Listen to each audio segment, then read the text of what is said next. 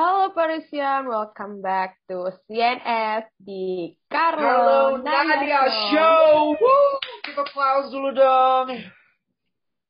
Welcome back with Yay, us. oke. Yeah, yeah, yeah, yeah.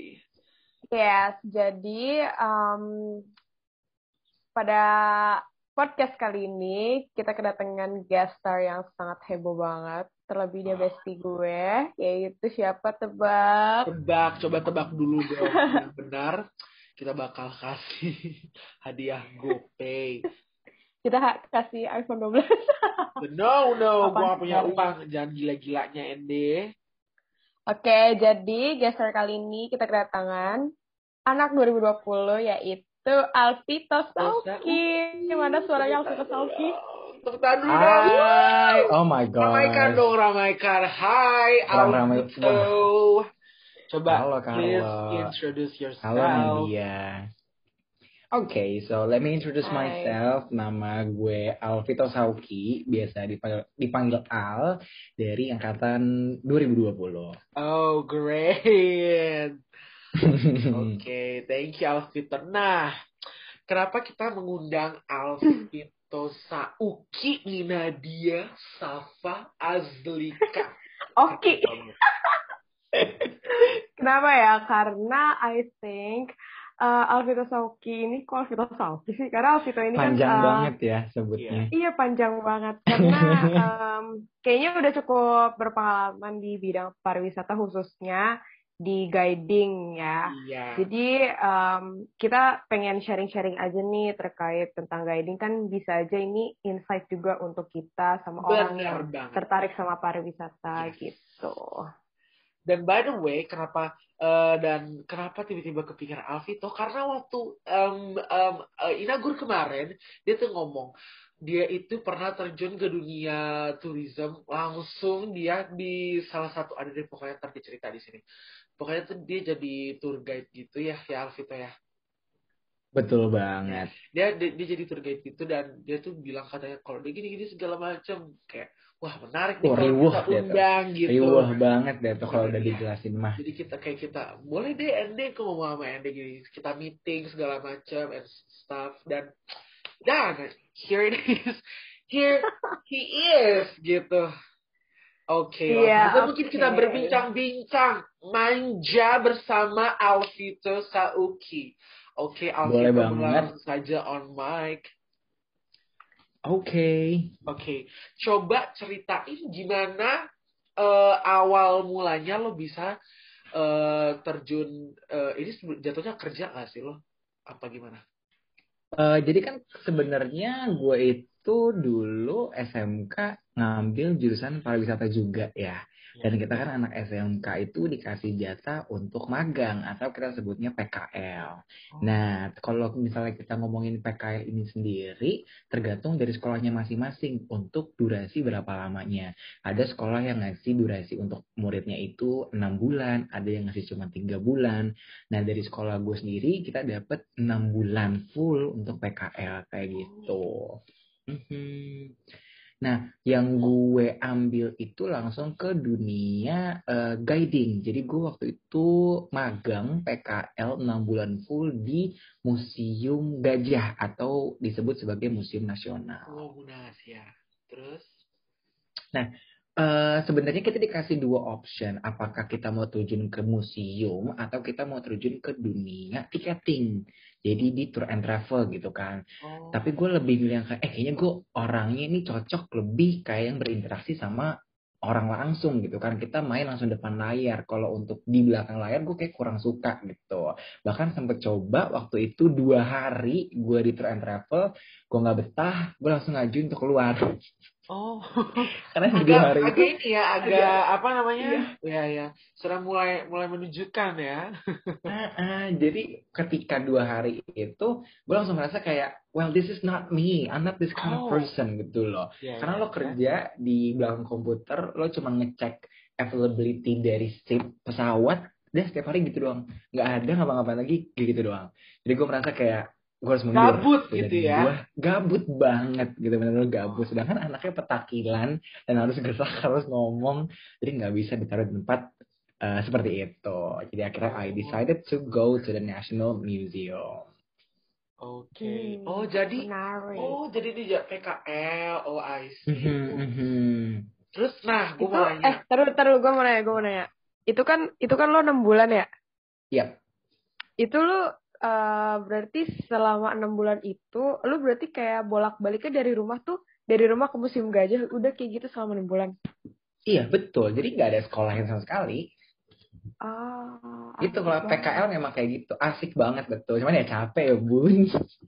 oh gitu eh, tapi tuh kayak lo jam aktifnya dari jam berapa sampai jam berapa pas PKL Kalau untuk jam masuk gue tuh totally completely lupa apakah jam 9 atau pakai jam 10. Pokoknya between that time ya. Jadi museum dibuka jam 9, abis itu kita pulang jam 3 atau jam 4. Jadi bener-bener museum buka, kita udah harus datang, museum tutup Oh. ya kita pulang gitu. I see. Oh jadi terus belajar. Oh. um, terus lo tuh kayak materi-materi guidingnya itu gimana Nah, kalau untuk materi guiding sendiri, memang mereka tuh udah sering nampung anak PKL ya. Jadi mereka juga tahu bagaimana menerima anak Nah, kita punya namanya kepala museumnya, yang di mana mereka punya orang untuk ngajarin kita mengenai materi-materi atau hal-hal apa aja sih yang harus dipelajari di museum tersebut, mulai dari sejarah gedungnya ataupun sejarah kolek- koleksi-koleksi yang ada dalam museum tersebut kayak gitu. Jadi kita diberikan waktu eh, sekitar dua minggu untuk ngafalin semua koleksi, semua sejarah tentang museum tersebut, supaya kita nantinya akan turun sendiri sebagai frontliner yang nge-guiding para tamu gitu. ah I see apa cuma dua minggu? Iya, gila nggak sih? Dan Iya itu bener-bener. gue juga tremor sih, kayak gue tremor juga dua minggu semuanya gitu. Ah, I see. oh wow. Tapi tuh lo selama lo selama terjun di bidang PKL, eh kok bidang PKL sih? Selama PKL itu kan itu kan ibaratnya kayak new experience kan untuk lo terlebih itu Mhm. guiding Mhm. harus uh, tampil depan orang-orang. Lo pernah nggak sih Yes, kayak exactly. ada masanya lo kayak uh, mental breakdown gara-gara itu kayak lo ada salah kayak atau apa kayak gitu? Oh gitu. Alhamdulillahnya di posisi itu memang udah mateng sih. Jadi udah nggak ada kesalahan yang dibuat mateng. lagi. Betul. Memang anaknya udah terbiasa untuk public speaking di depan, untuk ngomong depan tuh udah berani aja gitu. Kecuali kalau kita ngomongnya masa dulu gue SMP. Dulu gue SMP disuruh, disuruh jadi pemimpin upacara, gue kabur ngumpet di toilet. And this is a real story. This is a real story. Itu gue sampai gue kabur, gue nggak mau ikutan gitu. Oh ada bad tripnya ya di masa-masa Yes, of ya. course. Oh. Nggak mungkin kan kita langsung instan gitu kan. Ya sih, benar benar benar. Menarik Nah. ya guys ya. Terus gue mau nanya nih sama eh, lo Alvito. Eh, tadi kan lo bilang kan bosen, eh maksudnya membosankan. Nah, lo per, eh, coba deh gue pengen denger nih kayak eh, semuanya tuh berawal eh sebentar deh. Tai. Gue mau nanya nih gimana perasaan lo?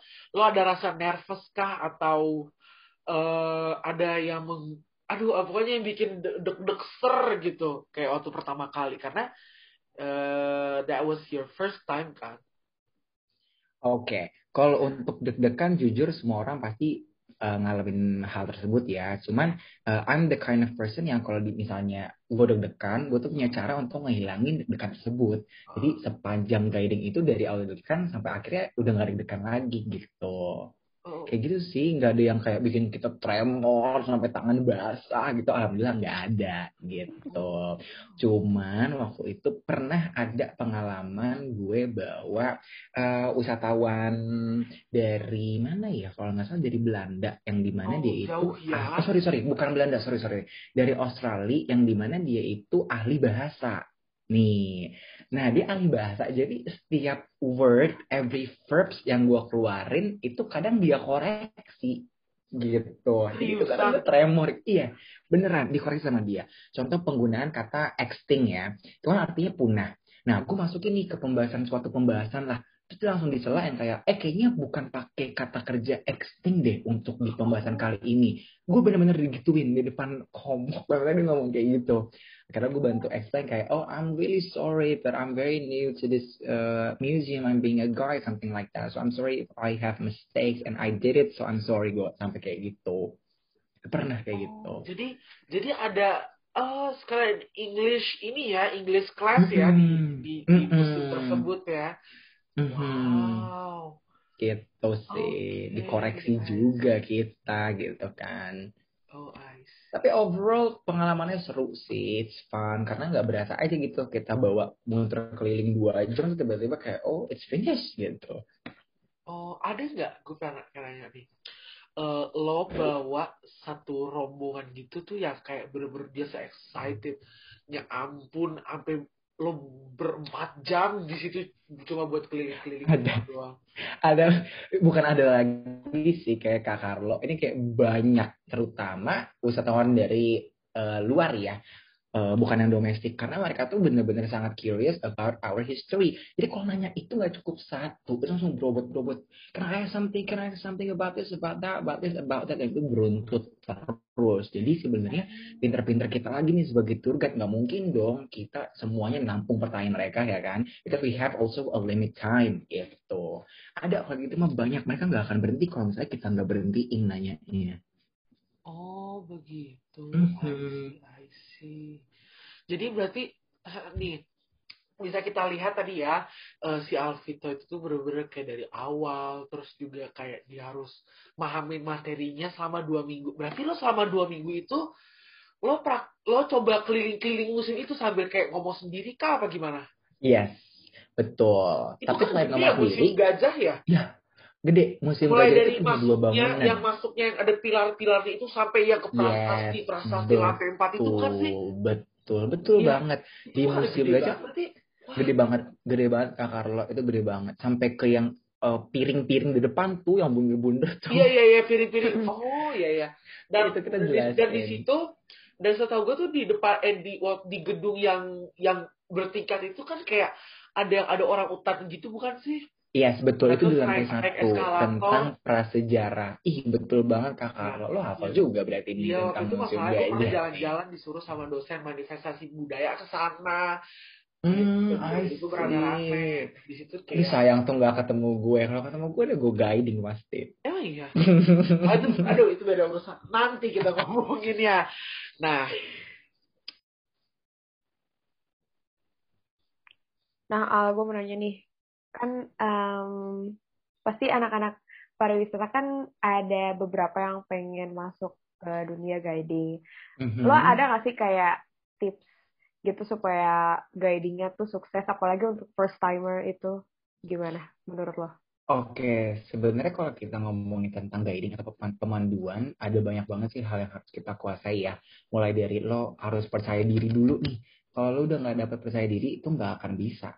It's not gonna do it. Itu nggak akan berjalan dengan lancar sampai ke akhir nanti. Yang penting kuncinya lo pegang dulu kepercayaan diri lo sendiri. Habis itu belajar tentang teknik public speaking.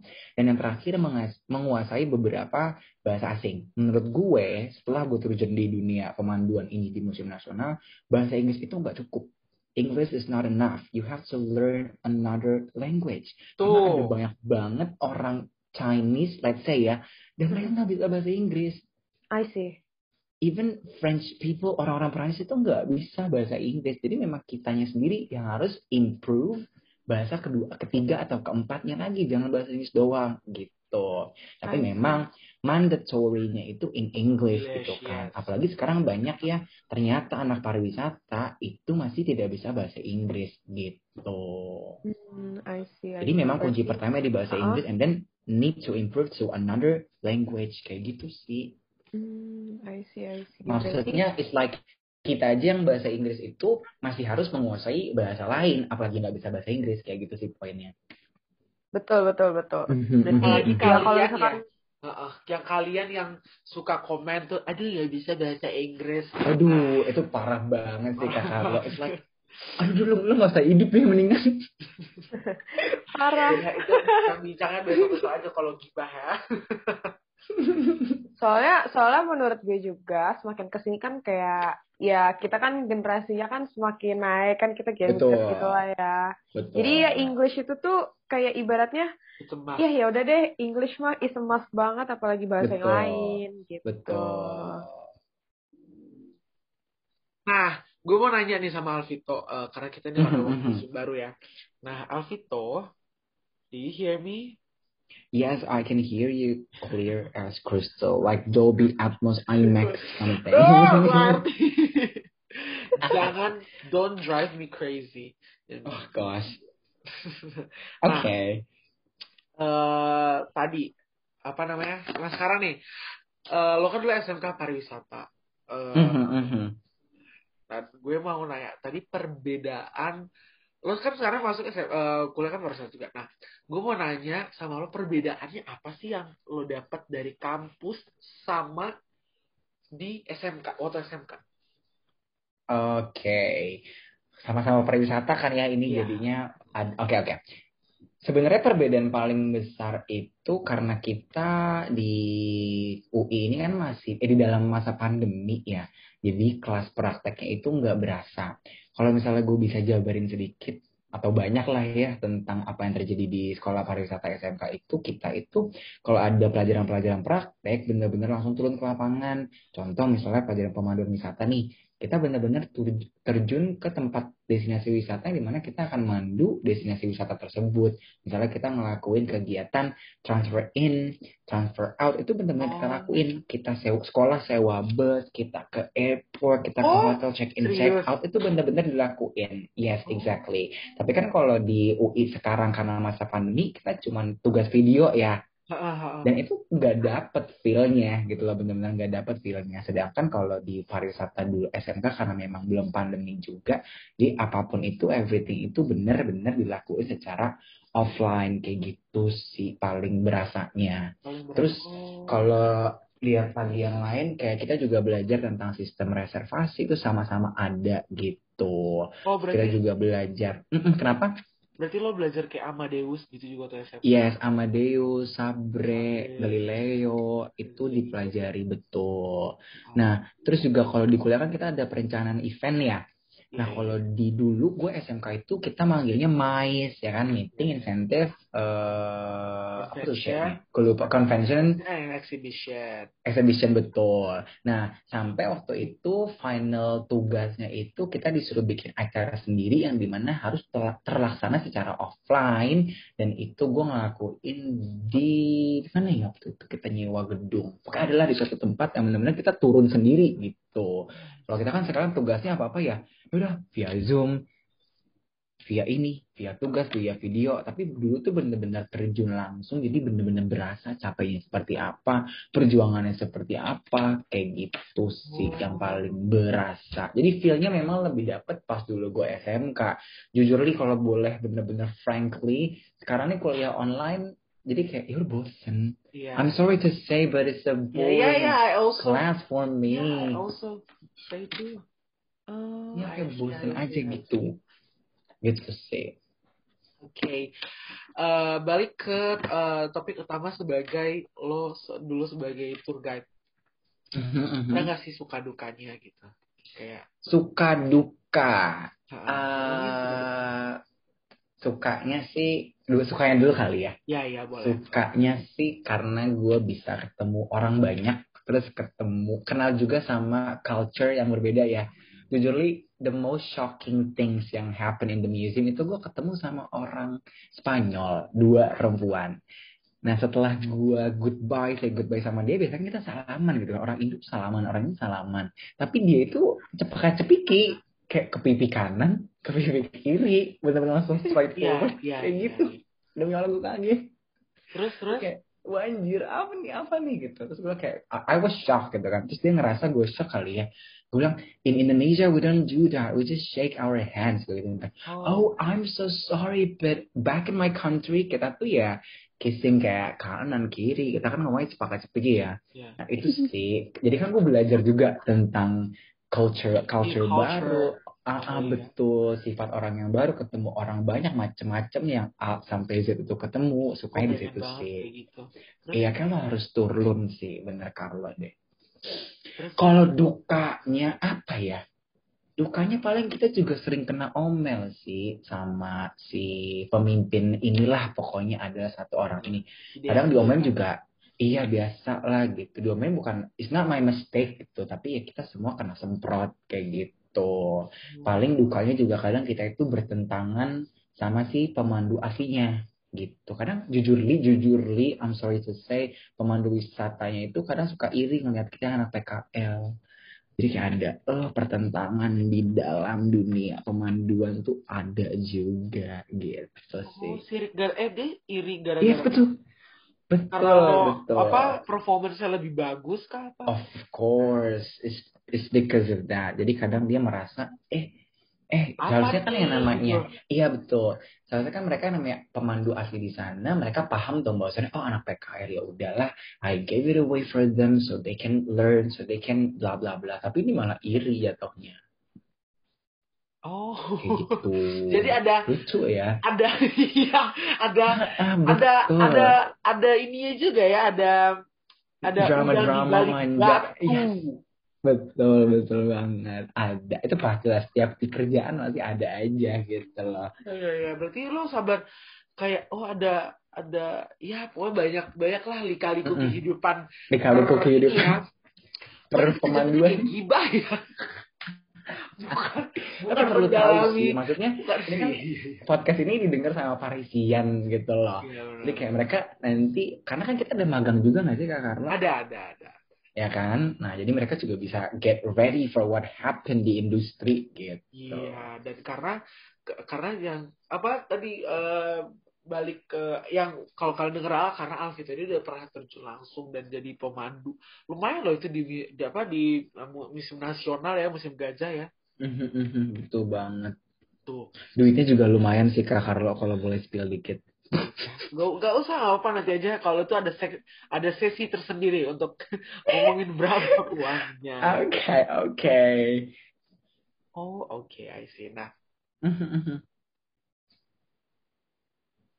Oke, Al. Jadi karena menurut kita nih pengalaman eh, guiding lo udah cukup banyak. Lo kan Mhm, kuliah mhm. pariwisata lagi nih. Itu Yes. lo nanti ke depannya mau lanjut gimana? Rencananya? Eh, rencananya sih memang kalau kita ngomongin perkuliahan nggak pengen berhenti sampai di D3 pariwisata ya. Rencana gue juga masih pengen tetap lanjut ambil S1 tapi entah apa jurusannya. Tapi mungkin akan ada sangkutannya ke dunia pendidikan sih. Ah, I see. Berarti Mm-mm. eh, lo lebih pengen kayak ini maksudnya apa? Eh, apa ya kalau pendidikan tuh berarti guru pariwisata gitu. Oh, kayaknya nggak ke pariwisatanya, eh, ke pariwisatanya. Mungkin kalau lo udah pada follow Instagram gue, anak anak-anak tuh pada tahu bahwa gue tuh eh, ngajar bahasa Inggris ya. Jadi Ah, mungkin ya, akan lebih tutor. di yes, bu- mungkin akan lebih difokuskan ke situ. Karena saat ini juga kayak I have my own company. Jadi ya Oh. mungkin akan lebih more focus to it kayak gitu sih. Ah, I see. Ya kalau boleh spill dikit bagi kalian nih yang emang pengen eh, belajar bahasa Inggris atau if you looking for some Iya. English course. if you want Yeah. to apa namanya improve your English skill, eh, English skill, English skill, you can contact to Elevator Sauken. Okay, oh my god, that would be lovely. Thank you so much. Ya. Is Ya kayak gitu free? sih. Of mm. No, nothing, you can ask. nothing is free. Bahkan mau ke toilet itu tiga ribu sekarang loh. Ya ya ya, I'm just kidding. I know.